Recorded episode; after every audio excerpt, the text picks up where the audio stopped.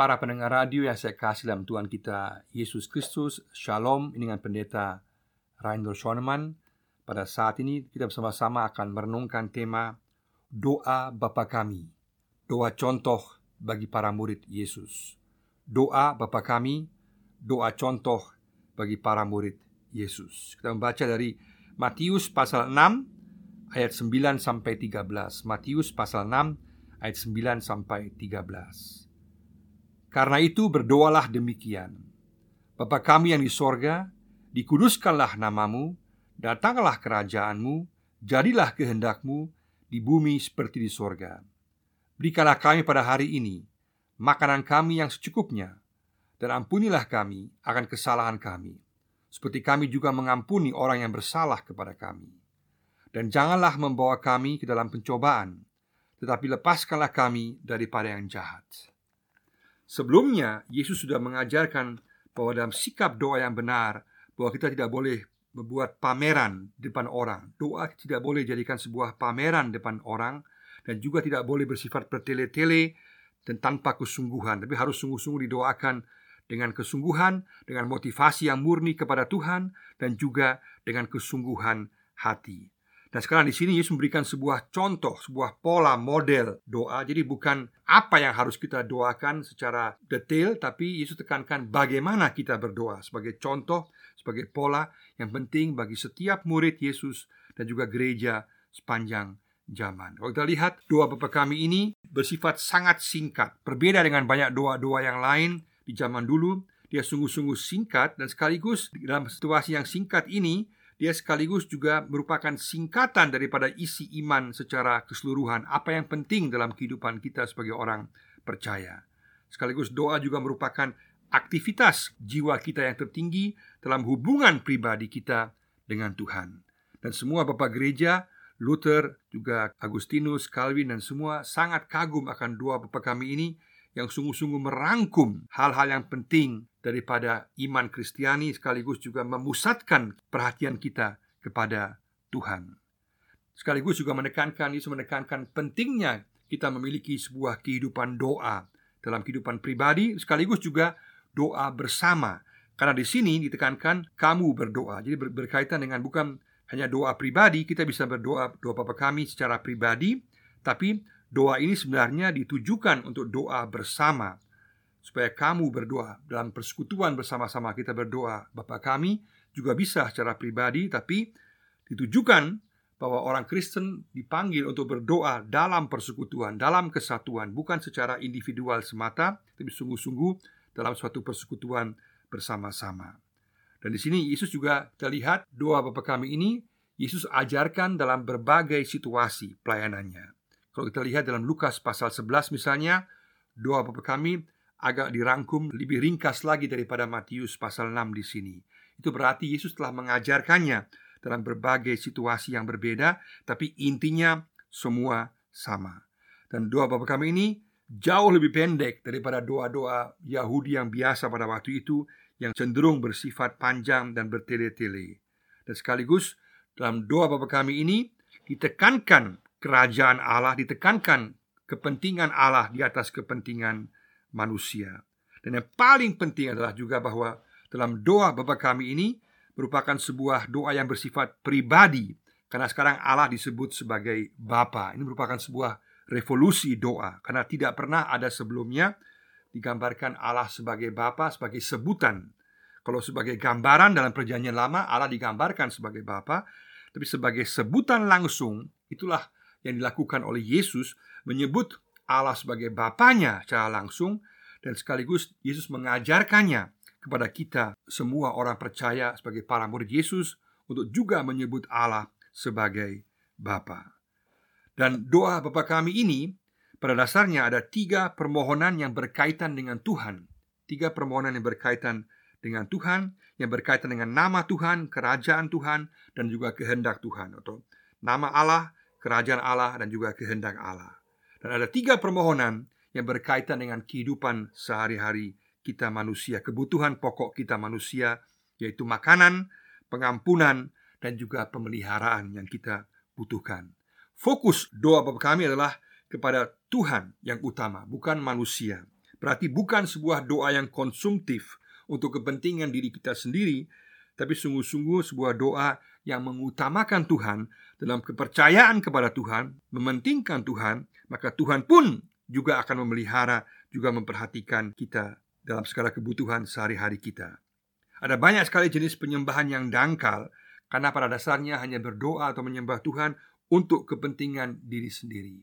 Pada saat kita belajar doa Bapa kami, kita belajar untuk mengutamakan Tuhan, kehendak Tuhan, namanya, kerajaannya di atas segala sesuatu dan kemudian mempercayai bahwa kebutuhan pokok kita akan makanan, akan pengampunan dan akan pemeliharaan juga akan dijawab oleh Tuhan. Sekali lagi, doa kami merupakan suatu revolusi yang luar biasa karena menekankan sebuah hubungan yang baru antara para murid Yesus dengan Allah.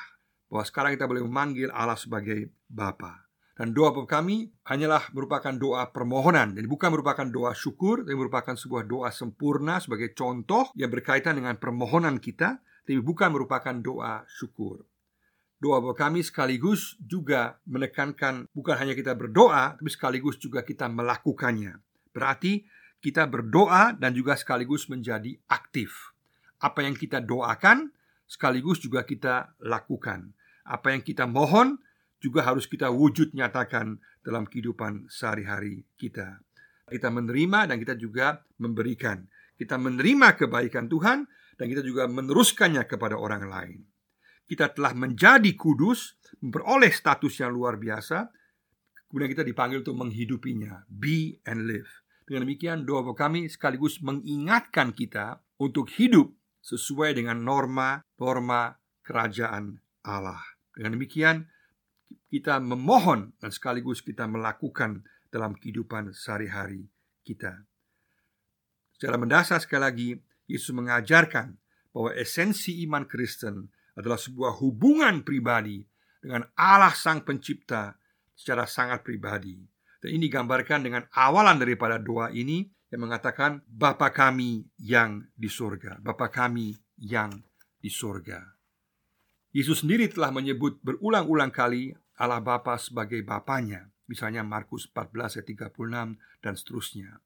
Tapi sekarang ungkapan Bapa kami ini diberikan juga kepada para muridnya. Para murid juga dipanggil untuk menyebut Allah sebagai Bapa. Ini kemudian juga kita lihat dalam Roma 8 ayat 15 dan juga Galatia 4 ayat 6 di mana orang Kristen, orang percaya kemudian juga memanggil Allah sebagai Bapa. Kata Bapa di sini berasal dari kata Aramaik yaitu kata abinu atau aba, abinu atau aba yang sama dengan kurang lebih pengertiannya dengan kata papa. Dan status kita sekarang adalah sebagai anak-anak Allah. Dan itu yang membuat kita tenang. Kita boleh memanggil Allah Bapa di surga Sebagai Allah kita. Allah yang berkuasa Allah yang sungguh-sungguh berdaulat atas dunia ini Allah yang juga akan memimpin sejarah dunia sampai pada akhirnya Adalah Allah yang sama Yang secara pribadi memelihara, menjaga kita secara pribadi. Luar biasa sekali. Dan sekaligus dia peduli kepada kita Dia sungguh-sungguh tahu kebutuhan kita Dan dia juga tahu keberadaan kita dan dia sungguh-sungguh mau menjadi Bapa kita dan mau memelihara dan menjaga kita. Dan Bapa di sini hanya berlaku bagi para murid Yesus, bagi semua orang yang percaya. Manusia sebagai ciptaan merupakan ciptaan Allah, tapi bukan anak-anak Allah. Kita baca kisah para rasul 17 ayat 29. Di sana manusia digambarkan sebagai ciptaan Allah yang harus dihargai. Tapi anak Allah baru dapat kita peroleh pada saat kita menyembah Tuhan dalam roh dan kebenaran. Misalnya Yohanes pasal 3 dilahirkan kembali Juga Roma pasal 8 Juga dalam Efesus pasal 2 ayat 3 dan 8 Paulus menjelaskan bahwa manusia pada dasarnya dimurkai oleh Allah karena dosa mereka. Tapi karena iman kepada Yesus Kristus Mereka memperoleh anugerah keselamatan Banyak orang Kristen sering punya masalah dengan menyebut Allah sebagai Bapa Karena pengalaman manusiawi mereka yang kurang baik dengan ayah atau bapa jasmani mereka. Tapi jangan lupa di sini digambarkan bapa yang sempurna, Allah sebagai gambaran bapa yang sempurna yang sungguh-sungguh mengasihi, menerima, memelihara dan menjaga dan memiliki tujuan dan pikiran yang baik untuk kita. Dan juga digambarkan bahwa selain Bapa kami, selain hubungan yang erat, yang sungguh-sungguh dekat antara kita dengan Bapa, juga dikatakan Bapa kami yang di sorga. Artinya yang di sorga berarti bahwa dia yang memerintah, dia yang berkuasa, Allah lah yang berdaulat, Allah yang memegang kendali atas dunia ini. Berarti juga ada jarak antara kita dengan Allah sedekat-dekatnya hubungan kita dengan Allah tetap ada jarak bahwa Allah tetap Allah dan kita adalah manusia sehingga kita menghormati Allah, menghargai Allah, mengetahui bahwa Allah dia sungguh-sungguh adalah transenden, dia yang berkuasa, dia yang berdaulat. Kita memerlukan suatu balang, suatu keseimbangan antara satu-satu sisi sungguh-sungguh tahu bahwa hubungan kita erat dengan Allah Bapa kita sekaligus juga mengetahui bahwa Allah Bapa kita yang kita sembah adalah Allah dunia ini yang jauh di atas segalanya sehingga kita memiliki keseimbangan antara kedekatan dengan menghormati Allah Bapa kita yang di sorga. Dalam doa Bapa kami ini ada dua bagian besar. Dua bagian besar itu bagian pertama adalah tiga permohonan berkaitan dengan kemuliaan Allah. Tiga permohonan berkaitan dengan kemuliaan Allah itu bagian yang pertama, ayat yang ke-9 dan ayatnya yang ke-10. Yang pertama adalah berkaitan dengan nama Allah, dengan nama Allah dikuduskanlah namamu. Ini berarti bahwa kita memohon agar nama Tuhan dikuduskan. Artinya Allah kudus berarti Allah itu terpisah dari dunia ini. Ini berarti bahwa Tuhan sungguh-sungguh adalah kudus dan agar banyak orang semakin menghargai kekudusan Allah, semakin memuliakan Allah. Bukan berarti bahwa kita berdoa supaya Tuhan menjadi kudus, bukan. Kita berdoa supaya kekudusan Allah semakin dihargai, dihormati, diterima dan kemudian disembah oleh orang-orang dalam dunia ini, orang-orang percaya dan juga orang-orang lain yang belum percaya. Artinya juga bahwa supaya kita juga dikuduskan pada saat kita memohon agar nama Tuhan dikuduskan, maka kita juga berdoa agar kita pun menjadi kudus. Sesuai dengan 1 Petrus 3 ayat 15 supaya kita pun menjadi kudus. Karena nama Tuhan, nama berarti sekaligus adalah program, adalah jati diri Allah adalah ciri khas Allah sendiri. Sungguh kepribadian Allah nampak dalam namanya, bahwa Dia yang berkuasa, Dia yang memelihara, Dia suci, Dia kudus, Dia penuh kasih, dan semua gambaran nama Allah ini sekaligus juga merupakan bagi kita suatu panggilan supaya kita meniru pribadi dan watak Allah dalam tindakan kita. Sehingga kita menguduskan nama Tuhan dengan cara kita meniru sikap Allah, pribadi Allah, watak Allah dalam segala kebaikannya, kemurahannya, segala pengampunannya, segala kekudusannya, segala kepeduliannya. Dalam segala hal kita meniru Allah. Ini berarti juga sangat penting bahwa kita sungguh-sungguh mau mengenal Allah, belajar tentang nama Allah. Dan dari nama Allah itu yang adalah wujud kepribadian Allah sekaligus merupakan program. Berarti kita pun dipanggil untuk meniru dan mengikuti dan juga mewujud nyatakan nama Allah ini dalam kehidupan sehari-hari ini. Berarti Allah kita kudus, kita pun dipanggil untuk menjadi kudus. Allah kita penuh kasih, kita dipanggil untuk mengasihi orang lain. Allah kita penuh belas kasihan, kita pun dipanggil untuk belas kasihan dan seterusnya. Bahwa kita menguduskan nama Allah, memuliakan nama Allah. Juga berarti bahwa kita tidak menghina nama Allah. Digambarkan dalam Maliaki 1 ayat 6. Jangan kita menghina nama Allah melalui pikiran kita, melalui tindakan kita, atau bahkan juga dengan kata-kata kita tanpa sadar kita menyebutkan nama Tuhan, nama Yesus, nama Allah dengan sembarangan. Kita hati-hati menggunakan nama Tuhan karena nama Tuhan sungguh-sungguh adalah kudus sehingga kita sungguh-sungguh dapat menguduskan nama Tuhan dalam pikiran dan tindakan dan kata-kata kita. Dengan demikian, pusat doa bukanlah kita manusia sendiri, tetapi Tuhanlah pusat doa kita. Namanya, pribadinya, kebaikannya, sikap wataknya dan itulah yang kita tiru Sehingga esensi iman Kristen pada akhirnya Agar doa kita, pikiran kita, dan tindakan kita menjadi satu kesatuan.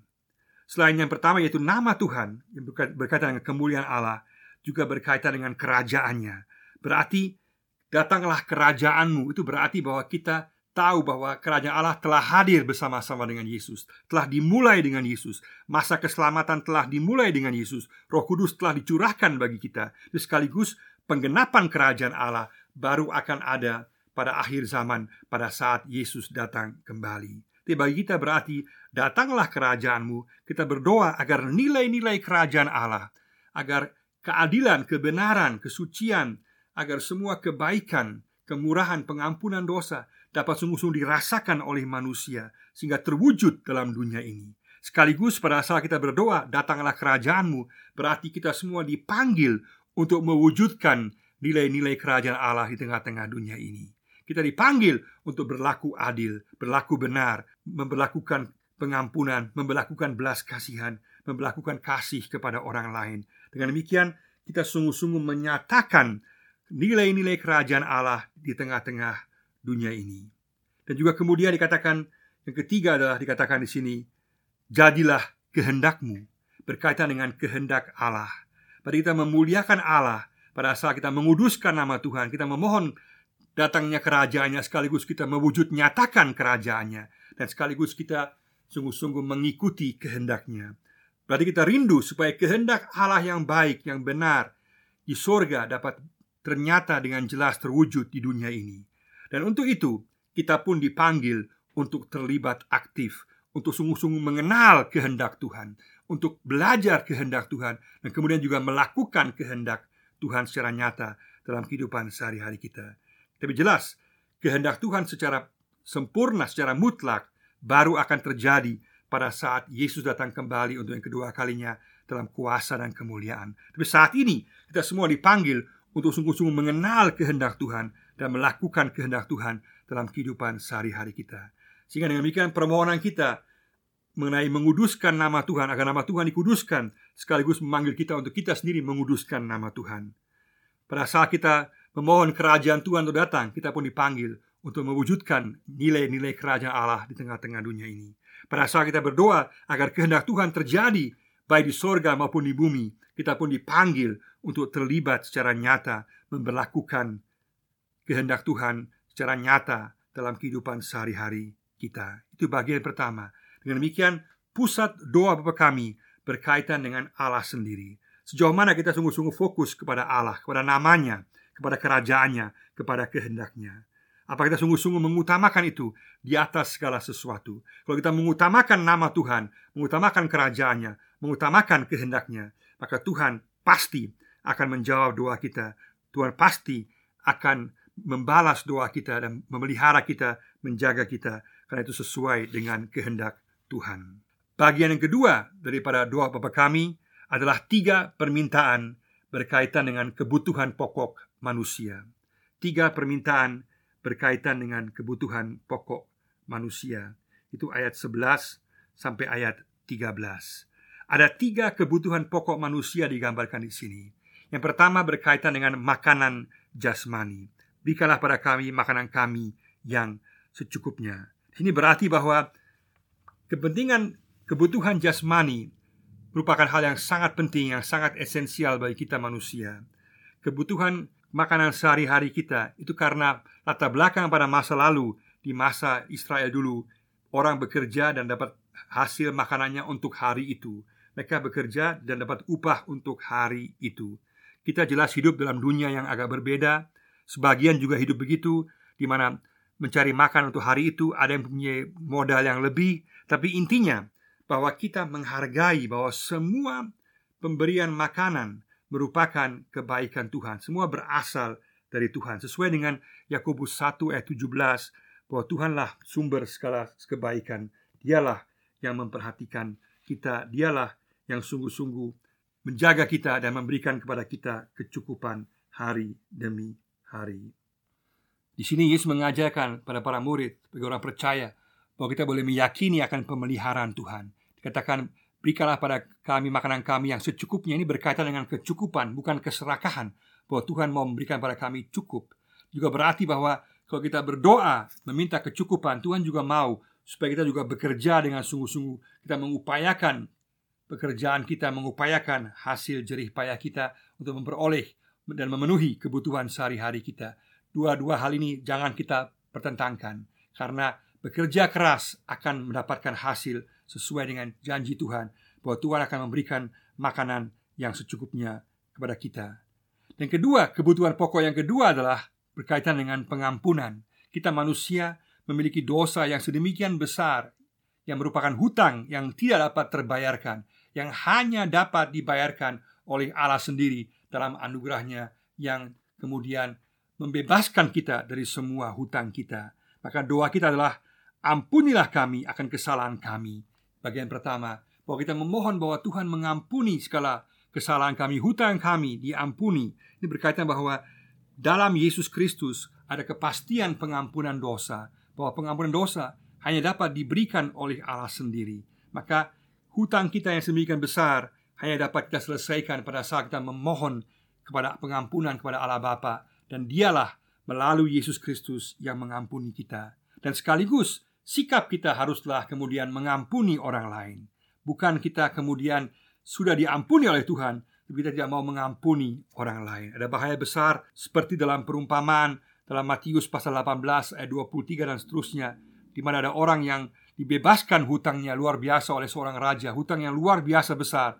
Tapi kemudian dia pergi dan mencekik dan dia menagih hutang kepada orang lain yang hutangnya hanya sedikit. Itu berarti dia belum memahami pengampunan yang telah diberikan oleh Allah Bapa kepada dia dan dia akhirnya meminta menuntut hutang daripada orang lain. Berarti orang itu belum mengerti artinya anugerah yang telah Tuhan berikan kepada kita. Juga dalam ayat 14 dikatakan kalau kita tidak mengampuni orang yang bersalah kepada kita, maka Tuhan pun tidak akan mengampuni kita. Pada saat kita tidak mengampuni orang lain, berarti kita belum memahami keberdosaan diri kita sendiri. Karena pada saat kita memahami keberdosaan diri kita sendiri, kita akan sadar dosa kita demikian besar dan kita tidak akan lagi terganggu oleh dosa kecil orang lain.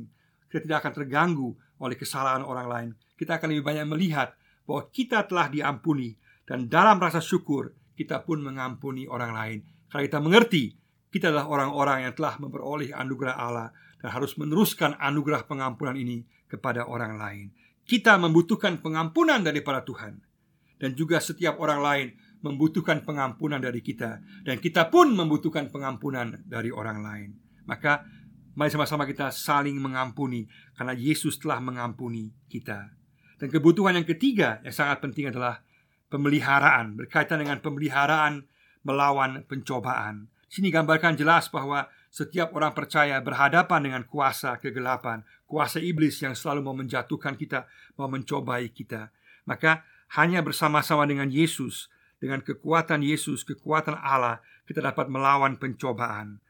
Sini dipakai gaya bahasa litotes. Litotes artinya bahwa sesuatu ditekankan secara negatif untuk menekankan hal yang positif. Berarti ditekankan jangan bawa kami dalam pencobaan, maksudnya Hantarkanlah kami, bawalah kami kepada jalan yang benar, jalan pemeliharaanmu, jalan yang sungguh-sungguh sesuai dengan kehendakmu. Berarti kita berdoa agar kita dapat melawan kuasa iblis, pencobaan iblis dengan kekuatan Tuhan, sekaligus supaya kita dihantar, dibawa kepada jalannya yang benar, yang membawa kepada kehidupan, membawa pada kedamaian, ketenangan, dan membawa kepada keselamatan kehidupan kekal. Mari sama-sama kita pada saat ini kita sungguh-sungguh merenungkan sejauh mana doa kita sudah sungguh-sungguh terfokus pada Tuhan, pada kemuliaan Tuhan, pada nama Tuhan, pada kerajaannya, kepada kehendaknya.